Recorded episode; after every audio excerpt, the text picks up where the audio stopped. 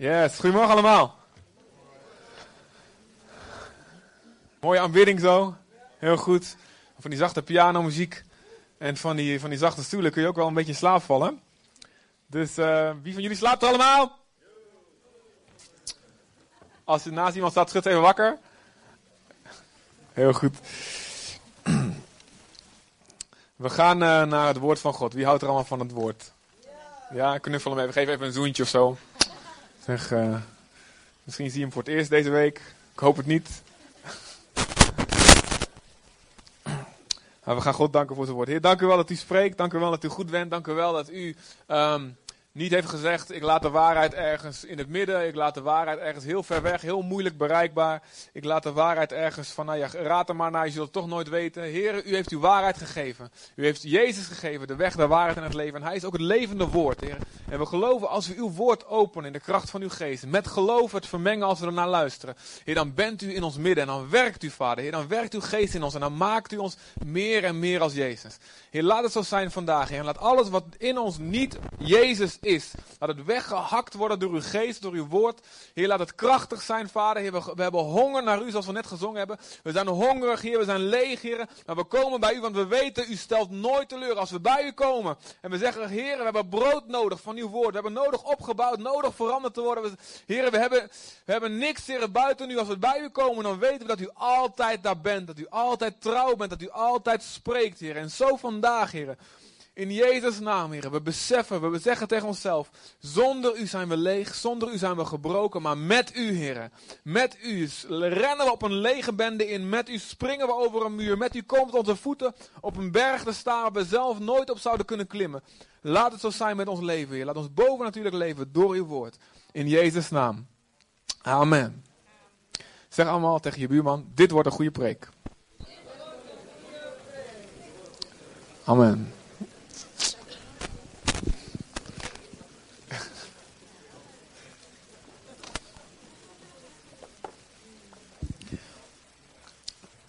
Heel goed.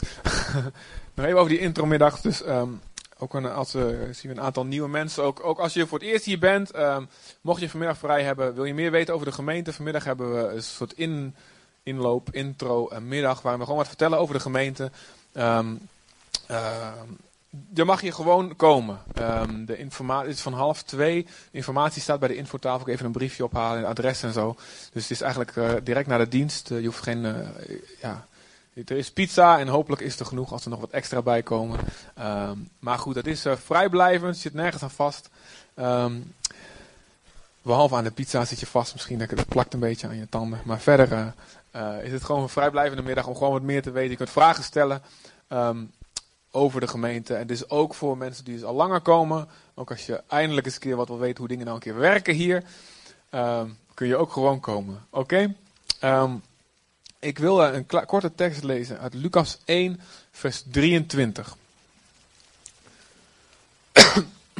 Lucas 1, vers 23. En dit is een stukje, het begin van de. Um, hey.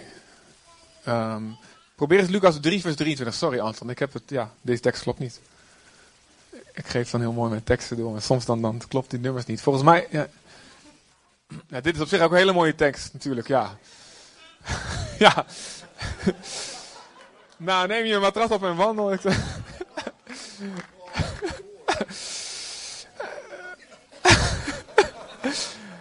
Wat fijn dat jullie allemaal zo dol zijn op de kerk. Echt waar. Oké. Helaas voor jullie, nee. En als jullie zo gemeen doen tegen mij, gaan we een uur langer door.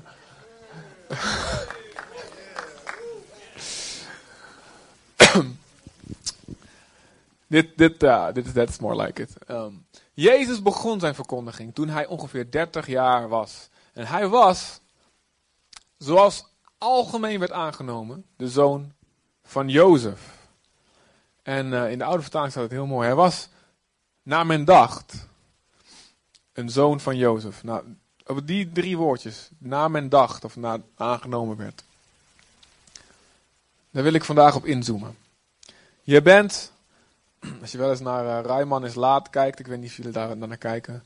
Of, ja, alleen mensen met een kleurtje kijken naar dat programma volgens mij. Dan heeft, heb je altijd Tante S. Je kent allemaal Tante S. Tante S.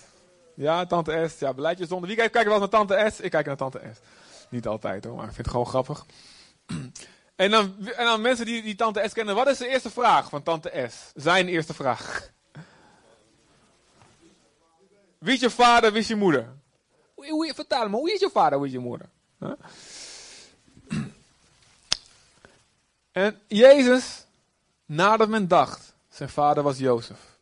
Maar wij weten, en hij wist, dat Jozef in natuurlijke misschien, ze dacht, dat is, dat, dat is mijn vader, dat is waar ik vandaan kom. En je moet weten, in het, in het Hebreeuws, het woordje voor vader is ab. En uh, dat is leuk, we hebben hier een ab in ons midden. Ab, waar ben je ab? Appie, dat zeggen appie. Waar is ab? Ab is ergens achter. Abba is een, is een soort is een verkleinwoordje daarvan, papi, zeg maar. En ab is de kernwoord vader. En dat wil eigenlijk zoveel zeggen als bron, oorsprong. En het is heel toepasselijk. God is onze vader, hij is de bron en de oorsprong van al onze, alle dingen. Maar zoals je een natuurlijke vader hebt, normaal gesproken is dat de bron waar je vandaan komt, de oorsprong waar je vandaan komt. Je vader en je moeder, dat zegt heel veel over wie je bent.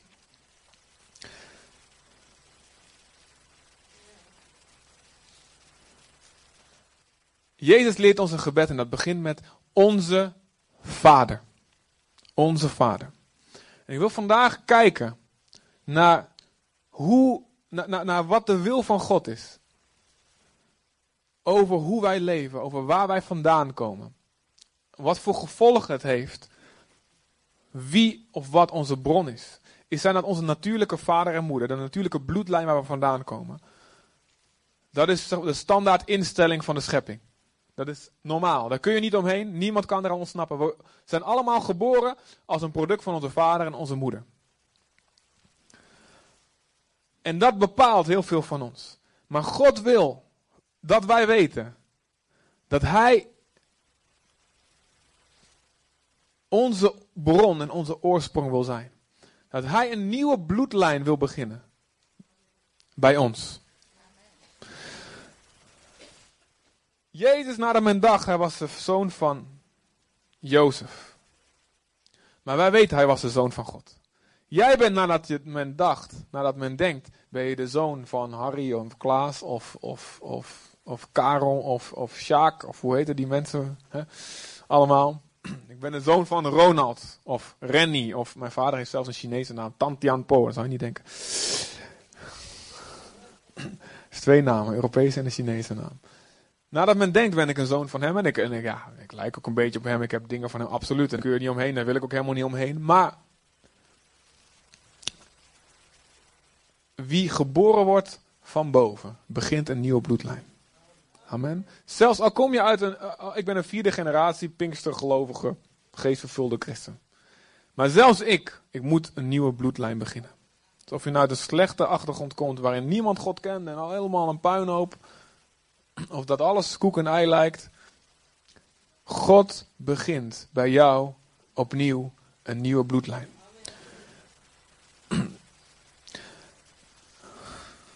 In, er, is, er, is, er was een belangrijke wet in, uh, onder de Joden. En dat was dat de kinderen niet mochten uh, bestraft worden voor de misdaden van hun vaders en moeders. In Exodus en in Deuteronomium staat het heel duidelijk. Dit mag niet. En je ziet dat bijvoorbeeld koning Joas, die wordt, uh, die wordt koning en zijn vader is vermoord. En Joas die was nog klein, maar toen hij, later, toen hij groot werd, liet hij de moordenaars van zijn vader liet hij ombrengen. Maar het staat heel duidelijk bij, maar de kinderen liet hij niet ombrengen, omdat hij respect had voor die wet. Die kinderen kunnen daar niks aan doen, dat hun vaders dat gekozen hebben. God wil, um, um, en, en, andersom ook, um, de vaders mochten ook niet gestraft worden voor de zonde van hun kinderen. Je ziet bijvoorbeeld uh, Samuel. Samuel was een geweldige man van God. Een geweldige profeet. En er staat eigenlijk niks verkeerds over Samuel geschreven. Maar zijn zonen kozen er op een of andere manier voor hem niet na te volgen. En waren zo corrupt als ik weet niet wat. En Samuel had dus geen opvolgers. Want zijn zonen volgden hem niet na. En je ziet dat God het hem niet aanrekent. Dat die zonen de mist ingaan. Aan de andere kant kan het wel zo zijn dat vaders verantwoordelijk zijn, Bijvoorbeeld in het geval van degene die voor Samuel kwam, zijn voorganger. Um, en dat was, hallo? Nu komt Elia, daar ga ik het nu over hebben. Ja. Samuel had zonen, ja, leert nog wat nieuws hier in de kerk. Samuel had zonen die hem niet volgden.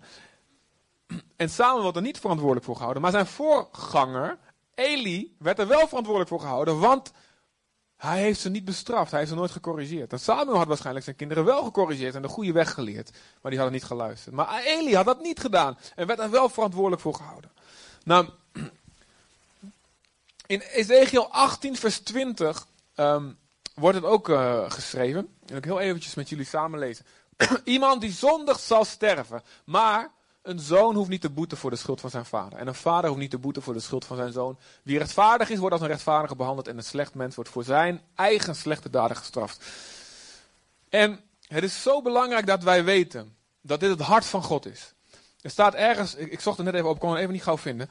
Ehm, maar er staat ergens in de brief van Paulus, zegt God, ik wil dat jullie vast en zeker staan bij alles wat God wil.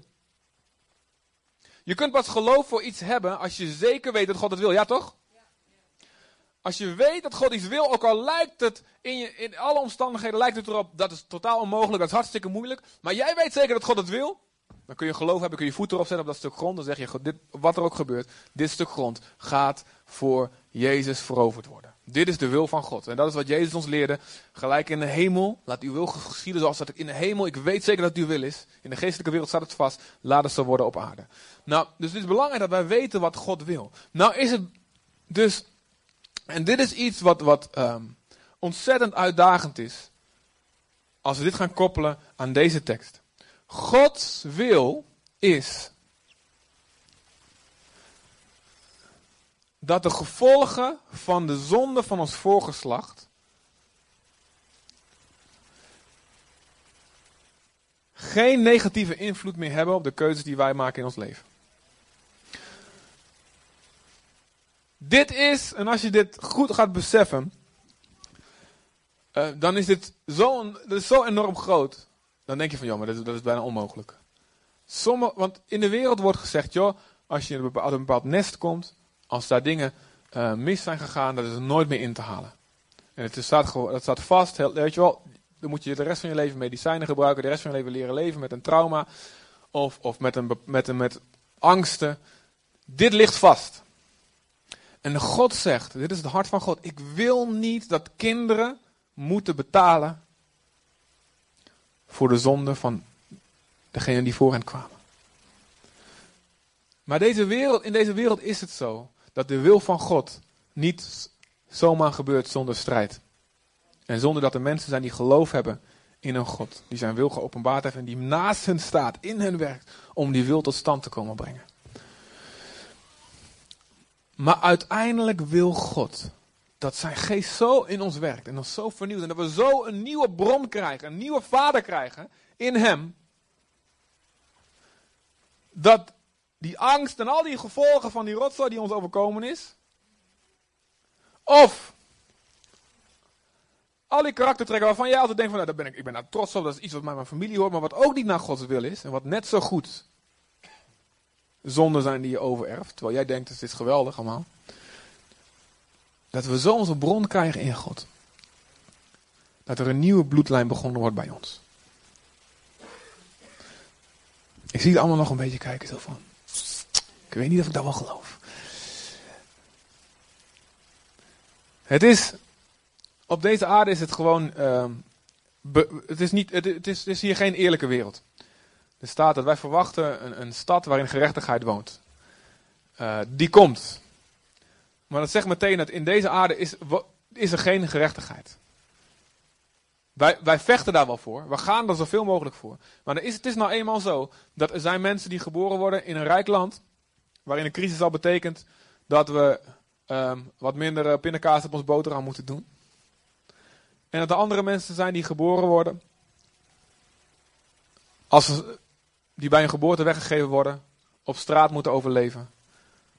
Uh, lijm snuiven, stelen om te overleven. Afgeschoten worden door politieagenten. Omdat ze alleen maar lastig zijn. Is dat rechtvaardig? Hebben ze, konden zij er wat aan doen dat ze daar geboren worden? Konden wij er wat aan doen dat we hier geboren werden? Het is niet rechtvaardig. Het is niet rechtvaardig. Maar eh, het is nou eenmaal zo dat er, dat, dat baby's geboren worden met aids. Hoe onrechtvaardig is dat? Maar we hoeven niet ver te kijken, ver weg. Ook hier in ons eigen midden is het zo dat er worden mensen geboren in gezinnen waarin ouders gekozen hebben. Bijvoorbeeld de kerk te verlaten. En wij weten, er is geen enkele andere weg tot de Vader. Er is geen enkele andere weg tot redding dan door Jezus alleen. En als je vader en je moeder, door wat voor invloed dan ook, gekozen hebben, zeggen ik wil niks met die God te maken hebben. Dan word jij geboren, ook al ben je misschien rijk en goed opgeleid en alles goed voor elkaar en knap en sexy, al die dingen. Maar je leeft zonder God, dan begin je met een achterstand. Is het rechtvaardig dat sommigen van ons, dat de helft van ons ongeveer christelijk geboren is en de andere helft niet? Het is niet rechtvaardig. God wil een nieuwe bloedlijn beginnen. En het is belangrijk dat wij voor ons eigen leven, maar ook voor de mensen om ons heen, dat wij geloof gaan krijgen. Dat het zijn wil is. Dat we gaan bidden, dat we gaan strijden, dat we niet opgeven totdat elke negatieve gevolg van de zonde van onze ouders, van de onwetendheid van onze ouders, geannuleerd is in ons leven. Amen. Dat betekent niet dat we geen littekens zullen hebben. Dat zal altijd een deel van ons zijn. Dat betekent niet dat we het niet meer zullen weten, maar het betekent, God wil dat het zo genezen wordt. Dat het niet meer ons doen en laten en onze keuzes bepaalt. Dat we niet meer automatisch een allergische reactie krijgen als er iemand reageert zoals onze vader reageerde of onze moeder reageert. Dat we denken, wow, daar moet ik me zo tegen verdedigen. En God heeft uh, een geweldige woord geschreven. Ik ben zo stapelgek op de Bijbel. Jullie ook. In Jezus' naam. Ja toch? We zijn stapelgek op de Bijbel, want hij, staat, alles staat erin. En weet je wat ik heel mooi vind? Het begint met, met een familie. Natuurlijk, hè, Adam en Eva, nog, nog een verhaal. Maar het verhaal van God, als God begint met een volk, hij begint met een familie. God is best wel een familiegod. Familiemens, wou ik zeggen, een familiegod. En hij begint met een familie. Hij neemt iemand, Abraham, vader. Verheven vader heette die eerst Abraham. En hij maakt hem Abraham, vader van vele volken. Weer dat vader, hè, oorsprong.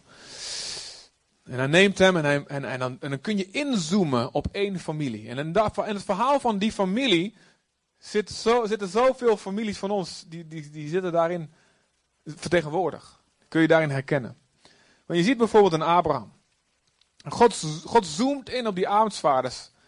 En er zitten dingen in die in al onze families zitten, die in al onze levens zitten.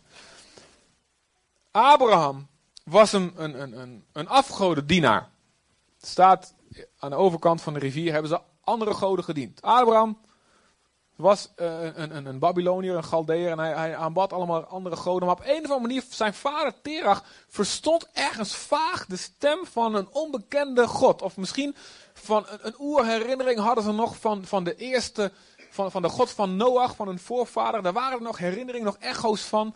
En Terach, ergens verstond hij de stem van, van, van El, Yahweh.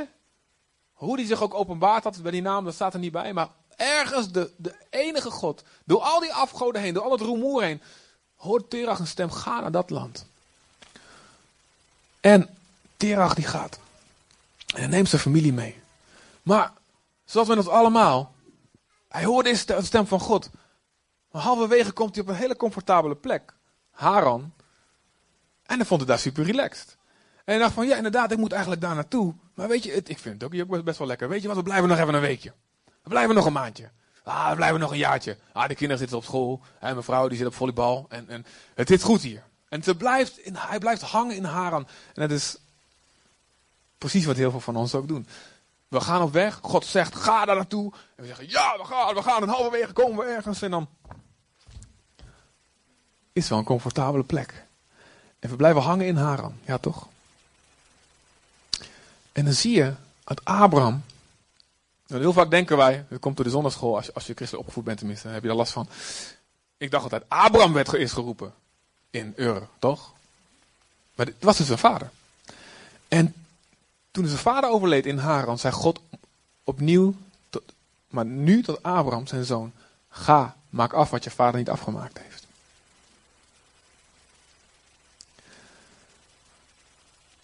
Interessant. God kan vaders roepen. God kan moeders roepen. Geestelijke vaders, letterlijke vaders. En die opdracht kan niet afgemaakt worden. Kan voor de helft 50%, 60, 20% vervuld worden. En de kinderen moeten vervolgens dat, dat stokje oppakken. Het spreekt, heel, het spreekt voor mij over de trouw van God dat hij, zegt, dat hij niet zegt: Ja, oké, ja, vergeet de hele familie maar. weet je wat, ik kies wel iemand in India. Hij pakt het stokje weer op. Dus, is dat niet mooi? Dus dat laat ook zien, nou, het betekent als, als je vader of je moeder dingen hebben laten liggen, geestelijk, betekent niet dat het voor altijd verloren is. God zoekt weer op wat voorbij gegaan is, zegt prediker. En Abraham die gaat. En hij komt. En, en hij gelooft God. En hij weet niet veel van God. God openbaart zich aan hem. En, en, maar wat God laat zien, dat gelooft hij. En God zegt, met zo iemand kan ik werken. Is dat niet mooi? Heel veel van ons. We beginnen. Misschien op dit moment denk je van, het is niet veel zoet met mij. Die die is veel verder. Die weet veel meer. Die kent de hele Bijbel achter tevoren. Ik, ik weet niet eens, weet je wel. Ik, denk, ik heb het nog over, over, over, over, over Adam en Goliath. Weet je wel. Ik snap, ik ken die hele Bijbel niet. Wat kan God met mij? God zegt, het gaat erom, wat doe je met wat je wel weet? Ook al weet je maar zo'n klein beetje. Als ik je dat laat zien. Als je daar wat mee doet. Dan kan, dan kan ik met je werken. Dan kan God misschien wel, was zeker weten, wel meer met jou. Dan iemand die alles achter tevoren kent. Maar er niks mee doet. Amen. Amen. En dan. Maar Abraham heeft nog wat slechte karaktertrekjes. Zijn geloof is heel groot. Maar zoals met iedereen die opgroeit zonder besef van een God die hem beschermt, heeft hij zichzelf leren beschermen. Hij kan goed vechten, dat kunnen we zien. een aantal oorlogen knokt Abraham uit. Maar hij heeft een andere manier van zichzelf beschermen. En dat is interessant. In, in Genesis um, uh, 12 en in Genesis 20 doet hij twee keer iets wat een patroon is in zijn leven. En um, Genesis 12, vers uh, eh, 11 tot 13. Dan gaat hij naar Egypte. Toen Abraham op het punt stond Egypte binnen te trekken, zei hij tegen zijn vrouw Sarai: Luister, ik weet heel goed dat jij een mooie vrouw bent. Even tussendoor. Mannen, draai allemaal even naar je vrouw. Als je naast je vrouw zit. Ja. En zeg allemaal even: Luister, ik weet heel goed dat jij een mooie vrouw bent. Ja, doe maar 1, 2, 3. Amen. Nou, het is even goed voor jullie huwelijk. We krijgen vanavond een romantische avond. Gratis gekregen. Kom naar de kerk en je krijgt een romantische avond. We gaan vroeg naar bed. Oeh, Cor! Zegen Cor vanavond. Geef hem veel energie hier.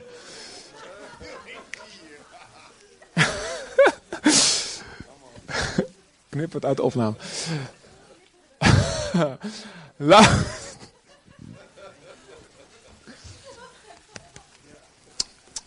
Waarom is mijn vrouw nou niet?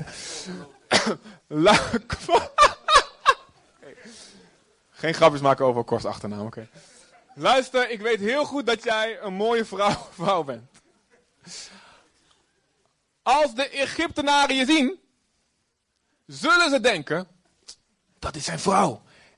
En dan zullen ze jou, jou in leven laten, maar mij zullen ze doden. Dus dat is een mooie, voor, in mijn haren, in mijn collectie, denkt de farao dan. Dus Abraham is bang. En terecht, want het gebeurt ook straks. Zeg daarom maar dat je mijn zuster bent. Dan kom ik er dankzij jou misschien goed vanaf en loopt mijn leven geen gevaar. Nou, het gebeurt ook. Abraham is heel profetisch. Het gebeurt. De Egyptenaren denken. En ze halen haar binnen in de prijzenkast. En uh, uiteindelijk komen ze erachter uh, dat, joh, hey, niet, waarom heb je niet gezegd dat, uh, dat je vrouw was? En zegt Abraham, ja, het is, ook, het is ook waar. Ze is ook eigenlijk mijn halfzus. was ook echt zo. Het kon in die tijd nog. Hun genen waren beter, denk ik. Um, en hij komt, er met, komt allemaal met een sister er, komt hij er vanaf. Het komt hij met een sister vanaf? Dat is niet goed. Het loopt met een sister af en hij komt er goed vanaf. Ja. En dan in Genesis 20, een paar hoofdstukken later, gebeurt hetzelfde. Um, Genesis 20. Dus heeft hij dat één keer geleerd in Egypte. En dan denk je, nou, dan, dan, gebeurt dat niet nog een keer. Maar dan komt hij in het land Gerar. Um, Genesis 20, eh, vers 2. En uh, dan zegt hij eigenlijk hetzelfde. Heb je die, uh, Antoine? Nou, anders dan lees ik hem zelf even voor. Eigenlijk zegt hij daar hetzelfde. Joh, Sarah, je bent nog steeds knap. Oh ja, daar heb je hem. Hij zei van zijn vrouw Sarah dat ze zijn zuster was. Het gevolg was dat Abimelech, de koning van Gerar, Sarah naar zijn paleis liet overbrengen. En er komen vervolgens allemaal rampen over dat paleis en over die, dat koningshuis. Omdat Abimelech dus een, een vrouw heeft die, die niet van hem is in zijn huis. En, en, en dan, dan raadplegen ze hun God. Op een of andere manier komt God daar tussendoor. En God die antwoordt, joh, je hebt in, in een droom, komt, komt God, je hebt die vrouw, die, er was helemaal niet zijn zus. Abraham heeft gelogen. Je moet die vrouw teruggeven aan hem. En die Abimelech wordt helemaal boos. Zegt van, joh, wat heb je nou gedaan? Je hebt me allemaal in de problemen gebracht. En Abraham moet dan, moet dan voor hem bidden. De waarheid vertellen, moet dan voor hem bidden. Dus Abraham doet het voor de tweede keer. Nou, gewoon even een zijtak. Ik vind het interessant, want Sarai was hier al rond de 90 jaar oud. En ik weet niet, um, als we tegenwoordig een misverkiezing zouden houden. en er doet een 90-jarige dame mee. Weet je wel, de beste die komt in de harem van Willem-Alexander, zeg maar. Weet ik niet Goed, weet ik niet of die dame dat zal gaan winnen. Hè? Ik, heb, ik heb mijn oma ook van, van 89 en eentje van 88 gedaan. Hartstikke knap. Maar goed. Dus er was waarschijnlijk nog iets ehm, aan. Uh, nog een restant van wat voor de zondeval uh, in, hun, in hun was. Waardoor ze nog op hele oude leeftijd eigenlijk nog heel erg uh, bijzonder waren. Dus bemoedig allemaal je oude oma van 90 jaar met dit verhaal. Amen. Maar we zien dus een patroon in Abrahams leven. Maar weet je wat er gebeurt? Genesis 26, vers 7. Hier hebben we zijn zoon Isaac. Dus Abraham is dood. Isaac, de volgende generatie. Isaac is getrouwd met Rebecca. Wat doet Isaac? Toen de inwoners van die stad hem vragen stelden over zijn vrouw, zei hij dat ze zijn zuster was. Hij durfde niet te zeggen dat ze zijn vrouw was, want hij dacht ze zouden me hier wel eens kunnen vermoorden om Rebecca, omdat ze zo mooi is. Waar het hier om gaat is. Abraham één keer, Abraham twee keer. Zijn zoon. Wordt geboren in dat patroon, kent niks anders, neemt het over. Het mooie is, God wijst deze mensen niet af. En het mooie is, God wijst jou en mij niet af. En we kunnen op een afstandje kijken en zeggen, wat is sukkel zeggen, dat doe je toch niet, weet je dan heb je, heb je dan één keer gedaan in Egypte en dan nog een keertje bij Abimelech. En dan de zoon bij precies dezelfde koning, doet de zoon hetzelfde, wat dom. En je kunt van een afstandje het veroordelen en denken, Makkelijk zeggen, weet domme familie. Maar weet je, jij en ik doen, doen, doen precies hetzelfde. Alleen op een ander gebied. Onze vader deed het. Onze moeder deed het. één keer, twee keer. We hebben het gezien. We hebben, hadden het kunnen weten. Weet je wat, wij doen het ook. Liegen. Om je eigen hachje te redden. Of misschien heel iets anders. Manipuleren om je zin te krijgen. Een masker opzetten om geen gezichtsverlies te lijden. Vluchten om geen verantwoordelijkheid te hoeven dragen. Controleren om niet in onzekerheid te leven. Er zijn zoveel dingen.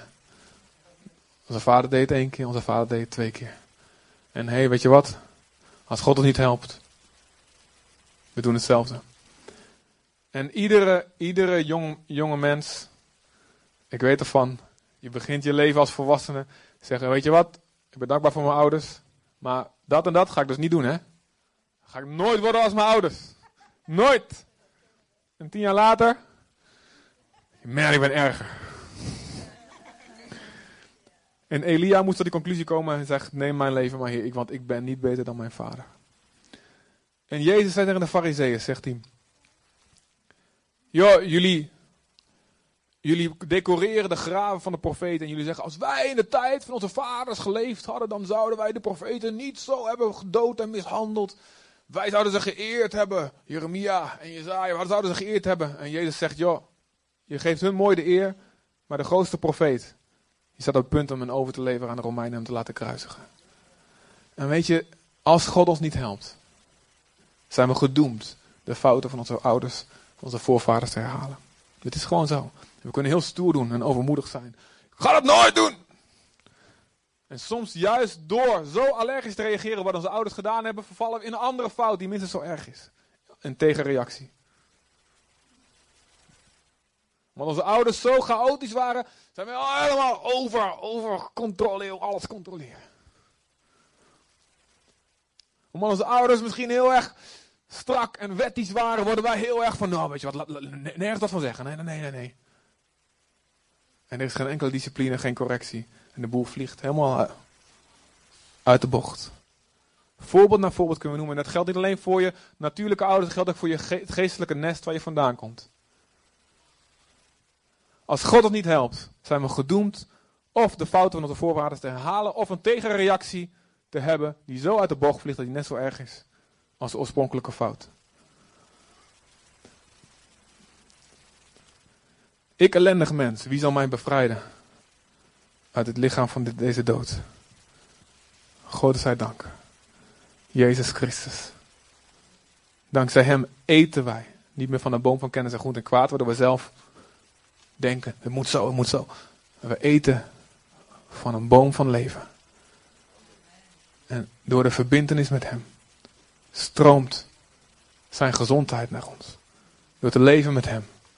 Door een relatie met Hem, door te spreken, door te communiceren. Ontstaat er een nieuwe bloedlijn.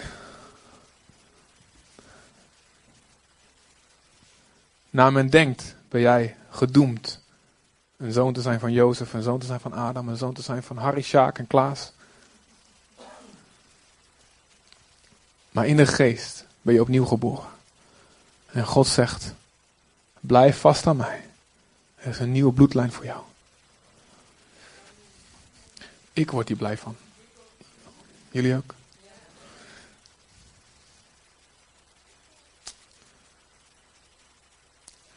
Je patronen van angst kunnen sterk zijn. Kijk eens naar Isaac. Genesis 25 en 28. En Isaac die. Dan komt weer een nieuw patroon. Hij introduceert weer een nieuw patroon in de familie. Nou goed, misschien begon het bij Abraham ook al. Misschien had hij gezien wat er gebeurt met, met Ismaël, zijn oudere broer. En dat God zei, Ismaël is niet de uitverkoren zoon, ik zal hem ook zegenen. En God zorgt, zorgt ook voor Ismaël, dat is heel mooi. Gods liefde is daarin groot. Maar Nee, Isaac, dat is de zoon van de belofte. En misschien dat dat daar is in het, in het hoofd of in de gedachte van Isaac misgegaan is. Want wat gebeurt er? Isaac heeft een favoriete zoon. En de favoriete zoon is Esau. En de reden is heel erg nobel. Isaac was zeer op Esau gesteld, want hij at graag wildbraad. Barbecue seizoen is net voorbij. Maar de, de, spare rib mensen onder ons, die snappen wat ik bedoel. Wie is hier van de, wie is hier van het vlees? Laat zeggen, mannen van het vlees. Ik niet hoor, ik hou van vis. Vrouwen, vrouwen van het vlees? Ik weet niet. Ja. Hm, kan. Maar Rebecca hield meer van Jacob. ja, klopt. En Esau was een ruige man. En hij had haar op zijn schouders. En op zijn rug. En overal had hij haar. En Jacob had een glad huidje. En hij smeerde zich elke dag in met Nivea en, en weet ik wat voor spul. En hij was een huiselijk type, Jacob. En Eza die kwam binnen, ik heb hier een hert. En dan gooide zo'n boem, boem, gooide zo'n mammoet op tafel, weet je wel. En dan gaat hij erin zitten snijden. En, en Jacob van, oh, daar zal ik wel een mooi, een mooi recept van maken. En ik heb een mooi nieuw boekje. En dan, goed. Isaac dacht, zo'n watje, dat kan nooit de zoon van de belofte zijn. Esau, dat is mijn man. Weet je wel, harig, stoer, ruig en vlees. Hé hey, Esau, weer lekkere gebraden mammoet of wat hebben ze daar? Nou, goed. En door vleeselijke redenen, gewoon puur iets, iets lichamelijks, lekker eten, kruipt zonde. Een patroon van zonde kruipt in de familie. Maar Rebecca heeft ook die komt ook aan een lekkere familie. Rebecca leert Jacob, weet je wat, als je niet de favoriet bent, ik heb er wel trucjes voor. Ik heb wel wegen daarvoor. Het is tijd om de, om de, eerste, om de eerstgeboorterecht, om de zegen te krijgen van je vader. Weet je, je vader is blind. Laten we gebruik maken van zijn zwakheid. We hebben Esau ver weggestuurd. Want Esau die moest wat lekkers gaan halen. En dan zou hij de zegen krijgen. Weet je, ik heb hier al, ik heb hier al een dier achter de hand. Weet je wel, bereid het maar voor. Bereid, maak maar een lekker maaltje voor je vader en doe maar net als je Esau bent. Maar hoe kan het? Want ik heb helemaal geen haar op mijn schouders en heb ik helemaal geen... Weet je wat hier? Ik zorg er wel voor. Rebecca geeft zo'n mooi, zo'n berenvelletje. Of een schaap, ik weet niet wat het was. Een van die andere beesten die aan zijn voeten ligt, hoorde ik net vanochtend. Ik dacht, waar struikel ik er elke keer over? Dat zijn niet schapen. En, e- en, en Jacob komt gekleed en dat berenvel komt hij bij zijn vader. Die vader denkt van, wat is dat nou? Je stem is anders. Maar dan voelt hij de huid, oh ja, klopt wel. En illegaal krijgt hij de zegen. En Rebecca leert Jacob te liegen, te manipuleren. En dan komt, dat, dat heeft ook niet van een vreemde, want Jacob gaat volgens naar Rebecca's broer. En weet je, Gods manier om ons iets verkeerds af te leren, is om ons te confronteren met iemand die datzelfde doet als wij doen, alleen een graadje erger. Zodat wij er zoveel last van gaan krijgen, dat we gaan inzien, dus dit is wat ik bij andere mensen doe. Met de bedoeling ons tot inkeer te brengen. Dit is wat gebeurt bij Jacob. Hij gaat naar de, de enige ergere bedrieger in het Midden-Oosten was Laban. Zijn oom, broer van Rebecca. Weet je wat, stuur ik hem daar naartoe. En hij voelde wat het was om bedrogen te worden. Er werd hem de ene, ene, ene dochter beloofd en hij kreeg de andere. En hij voelde, dus dit is, het, dit, is wat, dit is wat het is om bedrogen te worden. Dit is hoe Esau zich moet voelen. Dit is wat ik aangedaan heb. En, hij, en het is een worsteling met God waar hij in gaat. En aan het einde wordt het gesymboliseerd, dat is ook echt gebeurd, maar wordt gesymboliseerd in een worsteling die Jacob heeft. Met een engel. En die engel is God zelf. En er staat, die engel die kon niet van Jacob winnen. Nou, dat is natuurlijk heel raar. Ik bedoel, als God wil, dan is hij, weet je wel. Dan laat hij al zijn moleculen in zijn lijf ontploffen. En God doet net alsof hij niet van hem kan winnen. Dat zo is God ook met ons. Wij worstelen. Wij worstelen om ons te ontworstelen aan de verkeerde patronen die wij overgeërfd hebben van onze vader. En God worstelt met ons mee. Hij lijkt onze tegenstander, maar eigenlijk is zijn bedoeling ons te zegenen. En uiteindelijk als je ontdekt, weet je, ik, ik kan hier uit mezelf, kan ik me niet ontworstelen uit, die, verkeerde erfenis die ik meegekregen heb. Dan wordt hij wanhopig zegt hij, en, en, en God slaat hem op zo'n manier, hij treft hem op zo'n manier dat hij niet meer kan lopen. Dat hij zijn oude maniertjes niet meer werken. Zijn oude trucjes en zijn oude manipulatie en leugens werken niet meer. En dan zegt Jacob, ik laat u niet gaan totdat u mij zegent. En dan krijgt, geeft God hem een nieuwe naam, Israël. Hij die worstelt met God en die overwint.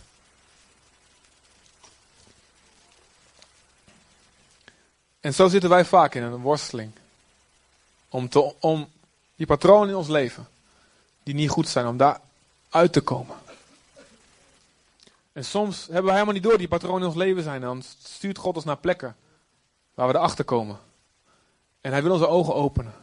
Hij zegt, joh, wat jij ziet in die ander, wat je zo irriteert, dat heb je zelf. Ik wil je er vrij van maken. Maar vaak moet hij ons eerst een klap op onze heup geven. Dat onze oude maniertjes niet meer werken. Hé hey man, met die leugens kom ik alleen maar dieper in het moeras. Het werkt niet meer. Met die manipulatie, met die maskers, met dat ontvluchten, met die bindingsangst. Ik kom er niet meer. Ik kom er niet meer. En dat is het moment waarin God jou een nieuwe naam wil geven. In plaats van een naam die je van je vader gekregen hebt, de identiteit die je van je natuurlijke ouders gekregen hebt. Zeg God, ik wil jou een identiteit geven vanuit mijn hart. Mijn beschrijving van wie jij bent, van jouw bestemming, van hoe jij bedoeld bent te zijn.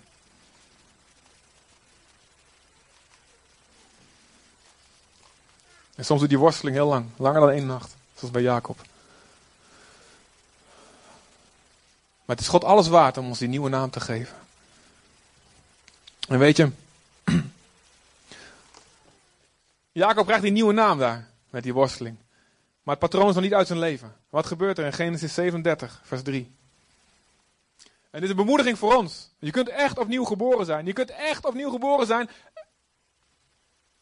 En toch die patroon in je leven nog hebben. Dat betekent niet dat, er niks echt gebeurd is. Je kunt echt een nieuwe naam hebben. Gedoopt, gedoopt in de geest, vervuld, nieuwe levenswandel. En nog steeds die patroon in je leven. Hoef niet te wanhopen en denken van, nou, er is helemaal niks echt gebeurd. Bij Jacob gebeurde het ook. Hij was al Israël, let op, hij wordt al genoemd met een nieuwe naam. Ook wij kunnen al genoemd worden met onze nieuwe naam, en nog steeds kunnen de patronen in ons leven zijn die we uit natuurlijke overgeërfd hebben, die niet goed zijn. Omdat Israël al oud was toen Jozef werd geboren, hield hij meer van Jozef dan van zijn andere zonen en liet een prachtig bovenkleed voor hem maken in allerlei kleuren. Hetzelfde wat hem overkwam. Mijn vader heeft een favoriet, heeft een voorkeur. Wat niet goed is, wat zonde is. Hij herhaalt het patroon. Wat is het gevolg? De broers worden jaloers op Jozef, gooien hem in de put, er worden slaven, al die dingen. Ellende. God gebruikt het wel uiteindelijk, omdat Jozef zijn hart goed bewaart. Hij haalt het patroon weer. Maar dan zie je door al die dingen die Jozef overkomen, uiteindelijk gebeurt daar iets. In Genesis 48, vers 14. Jacob is oud. Israël is oud. En Jozef is heel lang weg geweest, hij heeft jarenlang gedacht dat hij dood was, hij komt weer terug. Komt uit, weer, uit, de dood komt hij weer tot leven. En de broers die zich zo schuldig voelen, Jozef vergeeft die broers. En die broers, die worden de boodschappers en die halen de vader naar Egypte. En zo ook zijn wij eigenlijk. Wij zijn als die broers en Je Jozef is als Jezus. Wij zijn vergeven. We kunnen niet geloven dat we vergeven zijn. Maar Jezus zegt je wel, je bent zeker weten vergeven. En ik stuur je meteen uit als boodschapper om anderen te halen om ook bij mij te komen. En Jacob komt dan bij Jozef in Egypte. En als het op het punt staat van sterven, doet Jacob iets heel vreemds. Jozef brengt zijn twee zoons, Ephraim en Manasse, brengt die voor Jacob. Geef ze de zegen. En hij brengt heel netjes, brengt hij de oudste aan de rechterhand van Jacob. Want de rechterhand, dat betekent het dubbele deel. De zoon van mijn rechterhand. En de linkerhand, goed, ja, dat was ook een zegen. Maar de rechterhand, daar, daar, zat het allemaal in, weet je wel. En ja, maar Jacob had geleerd. De fout die hij gemaakt had bij Jozef, de fout die zijn vader gemaakt had. God had het doorbroken. En hij letterlijk doorkruist dat patroon. En hij, en hij doet zo, hij doet zijn handen zo. Hij, kruist, hij kruist zijn handen. Hij legt zijn rechterhand op de jongste en zijn linkerhand op de oudste. Omdat hij geestelijk zag wat er ging gebeuren. Niet als een soort voorkeur, maar hij zag geestelijk, Ephraim zal door God deze plaats krijgen. En Manasse zal ook gezegend zijn, maar hij zal een andere plaats krijgen. En hij ziet hier hoe een patroon los kan komen. Hoe je kan leren geestelijk te kijken. Ondanks wat je overkomen is. In 1 Petrus 1 vers 18 staat dat door het bloed van Jezus wij zijn vrijgekocht van onze zinloze levenswandel. Die ons door de voorouders is overgeleverd.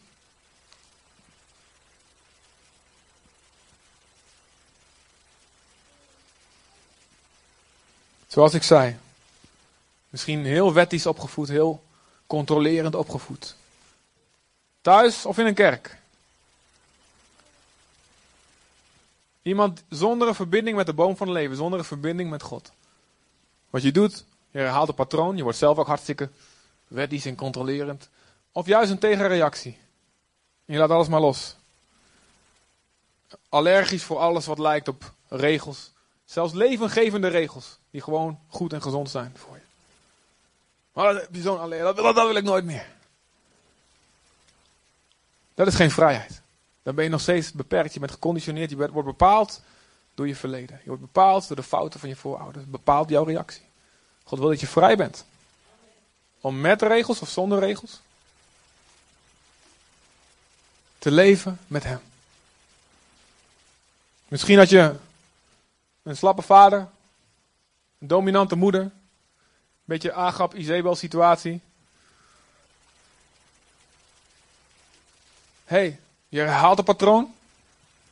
Je kopieert het. Of juist een enorme tegenreactie. Zo gaan we dus niet doen. In plaats van, ik heb zo'n dominante moeder.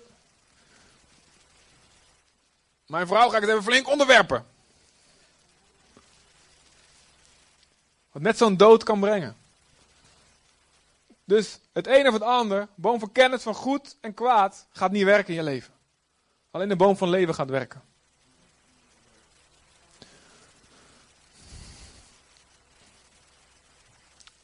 Je ouders, je had ouders of een vader of een moeder of allebei. Die manipuleerden of hadden de slachtofferrol, de slachtofferkaart speelden. Zoals Delila bij Samson. Oh, je houdt niet van me. Nou, je vertelt me je geheimen niet eens. Je houdt niet van me. Oh. Tot het hem zo de neusgaten uit, uitkwam dat hij uiteindelijk zijn geheimprijs gaf. En, en niet te grazen werd genomen. Je kunt het overnemen. Manipulatieve trucjes. Of je kunt juist zeggen van dat ga ik dus nooit doen. Maar volgens heel achterdochtig worden. En achter alles wat mensen doen. Zelfs oprechte dingen. Manipulatie te herkennen. Jij bedoelt er zeker iets anders mee, of niet? Ja, ik heb er wel door. Dat deed mijn, mijn vader ook altijd. Ik bedoel, wat bedoel je? Ik bedoel gewoon, ik zeg, nee, nee, nee, nee. Dat gaat maar niet nog een keer gebeuren. Dat is geen leven. Dat is geen vrijheid. Dat is niet wat God voor je heeft. Het is moeilijk. Ja, kost het je leven. Zeker. Is het worstelen? Ja. Het lijkt worstelen met God, maar God worstelt aan jouw kant, weet je. Je ouders konden heel onafhankelijk zijn en ongezeggelijk. Ik laat me niet zeggen door mijn baas wat ik moet doen. Ik laat me niet zeggen door die voorganger wat ik moet doen. Ik laat me niet zeggen door mijn... En dat soort geluiden, je snapt het. Of je neemt het over. Ik ook. Ik ben net mijn vader. Ik laat me niet... Of je, of je ontwikkelt juist een heel ongezonde vorm van aanhankelijkheid. Ik wil niet, ik zag hoe mis het ging met mijn ouders. Ik wil, ik wil, nou, wat ook net zo ongezond kan zijn. Of andersom. Je snapt het, hè? Je hebt duizenden variaties. Ik kan ze niet allemaal opnoemen, maar ik denk dat je, dat je allemaal snapt wat ik bedoel. Ja, toch? Misschien herkent je heel veel dingen in je familie. En in jezelf, oh.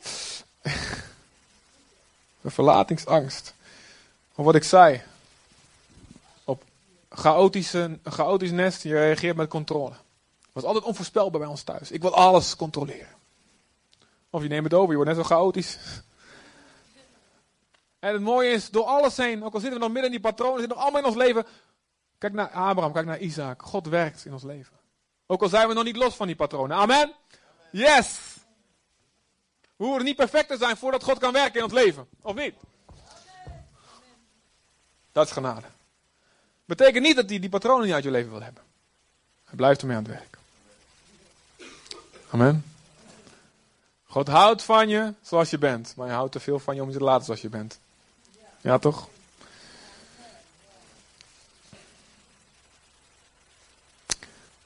Verantwoordelijkheid ontvluchten, bindingsangst, juist te veel. Nou, ik kan duizenden dingen noemen. Hoe doe je dat nou? Eten van die boom van leven. Hoe kom je nou vrij van deze praktische uitwerking van een generatievloek? Want dat is eigenlijk wat het is. En ik heb het daarbij niet over een soort vage, mysterieuze, duistere, oeh, die rondkruipt. Ik zeg niet dat het niet bestaat. Ik zeg, uh, ga, gaat maar nu vooral het zichtbare, het tastbare. David was iemand. Hij zegt ergens in de psalmen, al verlaten vader en moeder zijn mij, de Heer neemt me aan. En hij wist waar hij het over had. Waarschijnlijk was hij een bastaard. Dus niet, uh, door, niet, door alle, niet alle theologen en commentatoren zijn het erover eens. Maar waarschijnlijk was hij een bastaard. En was dat de reden dat Isaïe zoiets had toen Samuel kwam zei, een van jouw kinderen gaat koning worden. Dat die David maar een beetje achterwege liet. Dat kan hem niet zijn. Als, jou, als bij jou thuis koningin Beatrix was gekomen. Heden moet ik bij u komen, want Willem-Alexander heeft geen zin. En bij u thuis is een nieuwe opvolger. Ik kan niet zo mooi zeggen als zij. Ze zwaait er nog een beetje bij, ze wuift er een beetje bij. Dan hou je toch al die kinderen. Dan vergeet je toch niet die ene. Dat doe je niet. En zijn broers moesten niks van hem hebben. Dan heb je hem weer, die opschepper. Leek een beetje op Jozef. Ze konden het niet hebben. Want ze zagen dat Gods hand op hem was. Maar David leerde zijn wortels in God te hebben. Daarbij hij zong, hij bad, hij stortte zijn hart uit bij, de Heer. Zegt, Heer, mijn vader en moeder verlaten mij. Maar ik weet dat u me aanneemt. En in geloof maakte die verbinding. At hij van de boom van leven. Hij at van Jezus. Of kijk naar Jonathan, vriend van David. Zijn vader was afhankelijk van de mening van mensen. Totaal onder het juk van mensenvrees. Hij had nodig dat mensen hem voortdurend prezen. En zolang mensen geweldig over hem spraken, voelde hij zich goed, voelde hij zich lekker. Maar zodra er iemand anders kwam, David in dit geval, die het beter kon, al zijn zekerheid was in de mening van mensen in plaats van de mening van God. Zijn bodem was onder zijn voeten weggeslagen. En hij ging achtervolgen. Vervolgen diegene die beter was dan hij. Ook iedereen die zijn positie bedreigde, maakte die een kopje kleiner. Wie kent zulke mensen? Niemand! Weet je, dat hebben we allemaal in ons. Maar weet je, Jonathan, zijn zoon. Er staat niet veel over hem, maar het is duidelijk dat hij met God leefde. Jonathan zag David ook. En wie, wie had er zich net zo bedreigd kunnen voelen voor, om Davids opkomst? Dan, net zoals Saul. Wie was de kroonprins? Wie was de volgende koning? Jonathan. In plaats daarvan zegt Jonathan, joh, er, hoort, ontstaat daar een connectie. Er ontstond een, ze hadden elkaar lief als zichzelf. Ze sloten een verbond. En hij gaf hem al zijn spullen. Hij gaf hem zijn mantel en zijn tas en ik zijn zwaard en al die dingen. En hij zei, weet je, jij gaat koning worden. Ik niet. Ik ga onder jou dienen. Respect voor Jonathan. Dit is iemand die zijn zekerheid heeft. Terwijl hij zijn patroon van zijn ouders ziet. Van zijn vader ziet. Van mensenvrees afhankelijk zijn van de mening van mensen. Jonathan zegt, weet je, Gods woord over mij is genoeg. En als dit Gods plaats voor mij is, om onder iemand anders te dienen. Ik weet, dat is mijn plek. Want ik weet wie mijn echte vader is. Saul is niet mijn oorsprong. Mijn vader in de hemel is mijn oorsprong.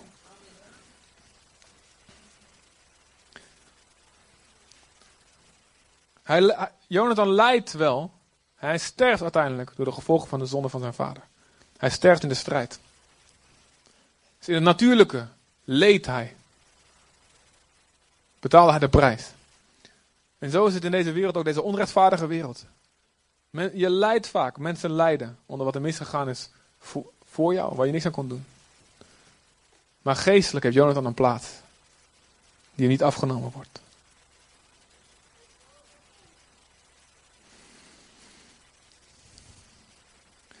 God is je vader. God is je bron. Psalm 87, vers 7. Heel klein zinnetje staat. Al mijn bronnen zijn in u. Denk eraan, weet je nog het woord vader? Komt van het woord ab, het woord bron, oorsprong. Heer, al mijn bronnen zijn in u. Door het leven met God. Gewoon die saaie dingen, waar je elke keer hoort wat goed is om te doen. Bidden, je hart uitstorten voor God.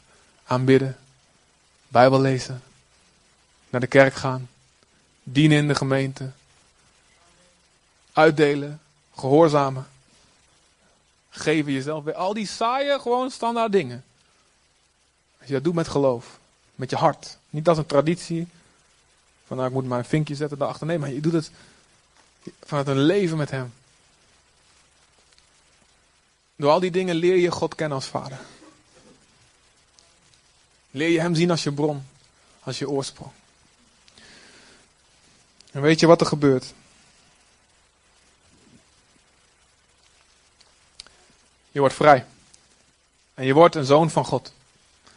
Ik ben toch al een zoon van God? Ja, je bent het al. Je hebt al een nieuwe naam. Als je hem aanneemt, je gelooft in hem. Je bekeert je, laat het doven. Je ontvangt zijn geest. De geest van het zoonschap. Door wie wij roepen, Abba, vader. Maar God gaat verder. God gaat verder. God gaat dieper. En sommige van jullie zijn patronen in je leven. Gevolgen van de zonde van je ouders. Gevolgen van misschien van de kerkelijke nest of ideologische nest waar je uit vandaan komt. En je hebt misschien ooit het idee gehad, volgens mij kan ik daar los van komen. Maar je hebt het geloof opgegeven. Je hebt een verbond gesloten, je hebt er noodgedwongen vrede mee moeten sluiten dat het zo is. God wil vandaag dat je weet. Misschien niet in één jaar, misschien niet in één klap. Misschien wel. Maar God zegt, ik wil dat je de strijd weer aangaat. Of beter gezegd, ik wil dat jij de oorlog verklaart. Dat je het vredesverbond verbreekt. En niet langer accepteert dat het zo in je leven is. En niet zelf gaan vechten. Maar weet je, ik zal de vijand van jouw vijanden zijn. En als jij de oorlog verklaart, gaat God vechten. En misschien denk je van, nou, maar ik heb het helemaal niet nodig, want ik kom uit een hartstikke goed nest. Dacht ik ook heel lang. Maar als je met God komt te gaat leven, kom je erachter dat het misschien best wel meevalt. en weet je, je kunt je ouders eren voor wat ze gedaan hebben. Ik heb vaker gezegd, mijn vader is een van mijn helden. Waarom? Hij heeft zelf geen vader gehad.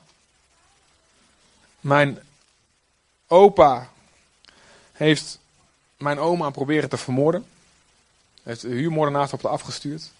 Zat uh, in de spionagebusiness in Nederlands-Indië. Na duizenden keren, nee, het is niet waar. Heeft meerdere keren, toen mijn oma hard werkte, kwamen één keer mensen er alle spullen ophalen, want mijn opa had de hele inboedel vergokt. Uiteindelijk uh, had mijn, mijn oma had bewijs van overspel. Dat moesten die, die tijd in Indonesië. Zonder, zonder bewijs van overspel mocht je niet scheiden. Hij zat bewijs. Hadden briefjes verzameld die hij schreef aan zijn minnaressen. Mocht ze scheiden in de jaren 50, was heel uniek. Hij is aan het einde van zijn leven tot, tot Jezus gekomen. Amen.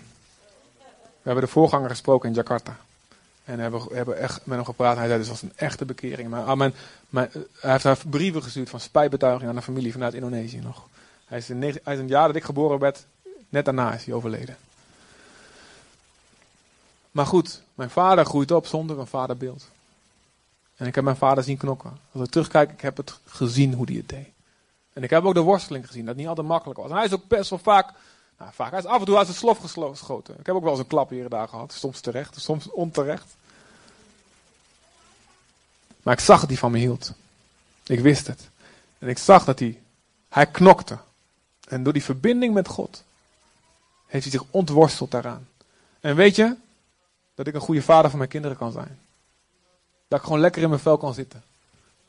En kan leven met de Heer. En dit kan doen wat ik nu doe. Komt omdat ik, ik bouw verder op de verdieping.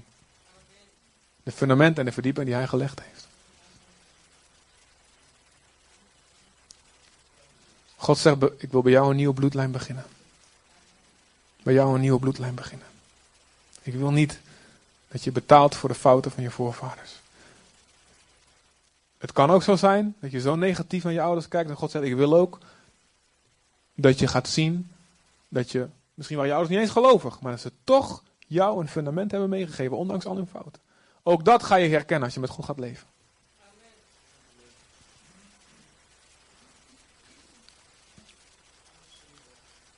En tegelijkertijd wat ik er twee weken of drie weken geleden sprak. De reden dat je minder ballast misschien hebt vanuit je voorgeslacht, is omdat jij een overjordaanse stam bent. Je hebt misschien je erfdeel al, maar God zegt, ga aan de spits van je broeders vechten totdat zij hetzelfde hebben wat jij hebt. Amen. Uh, lieve, ja, willen jullie komen en het laatste lied spelen van die oceanen, dat ding, ja. ja. Niet van uh, Raccoon, dat lied, maar de andere. Van, nee.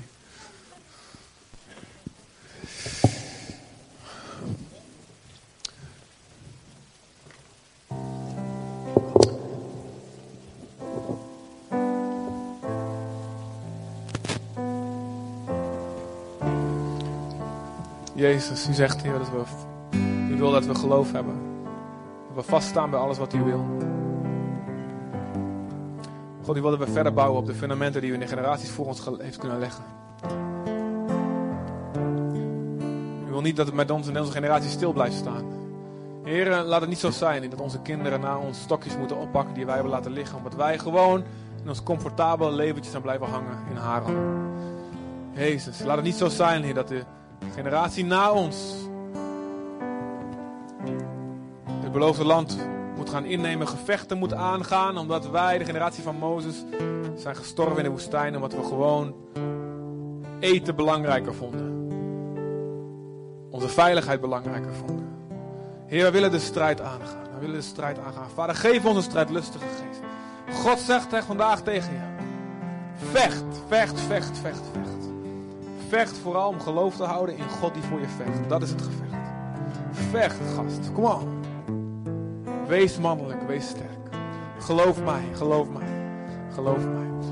En als je hier zit en je hebt je neergelegd bij gevolgen, negatieve gevolgen, vanuit, misschien vanuit je kerkelijke achtergrond, misschien vanuit je huisachtergrond, gezinsachtergrond, ziekte, psychische problemen, onvermogen relaties aan te gaan, onvermogen vriendschappen aan te gaan, bindingsangst, controlegeest, wat dan ook, al duizenden dingen. Je weet het zelf wat het is.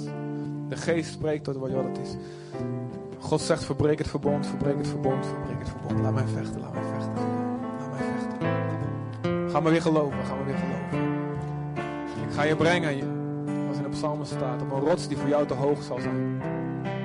Ik wil je brengen op een berg die je jezelf niet kan beklimmen. Ik wil je boven natuurlijk laten leven. Ik wil je vergeven datgene wat voor een mens onmogelijk te vergeven is. Ik wil genezen datgene wat een dokter en een psychiater zegt wat onmogelijk te genezen is. Ik wil veranderen wat de algemene opinie zegt wat onmogelijk te veranderen is. God is hier. God zegt, voor wie gelooft is niks onmogelijk. Geloof me weer, geloof me. Ik wil je verder brengen. Je hebt nog niet gezien. Je hebt nog niet gezien waar ik je wil brengen. Je hebt nog niet gezien wat, wat ik met je karakter wil doen. Je hebt nog niet gezien hoeveel ik jou op Jezus wil laten lijken. Je hebt nog niet gezien hoeveel ik jou wil laten stralen. Hoe ik je rouwklacht wil omturnen. Om, omdraaien in een, in een vreugdedans. Je hebt nog niet gezien de zegen die ik jou wil maken voor de generaties na je, voor de mensen om je heen. Een vader van vele volken. Een vader van vele volken wil ik je maken. In een geestelijke. Vele volken.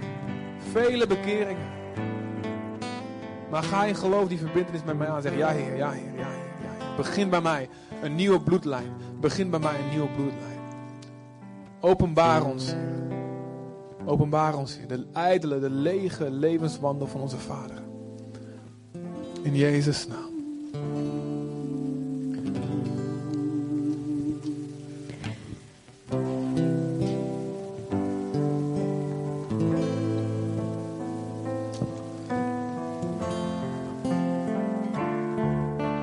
Verberg mij nu.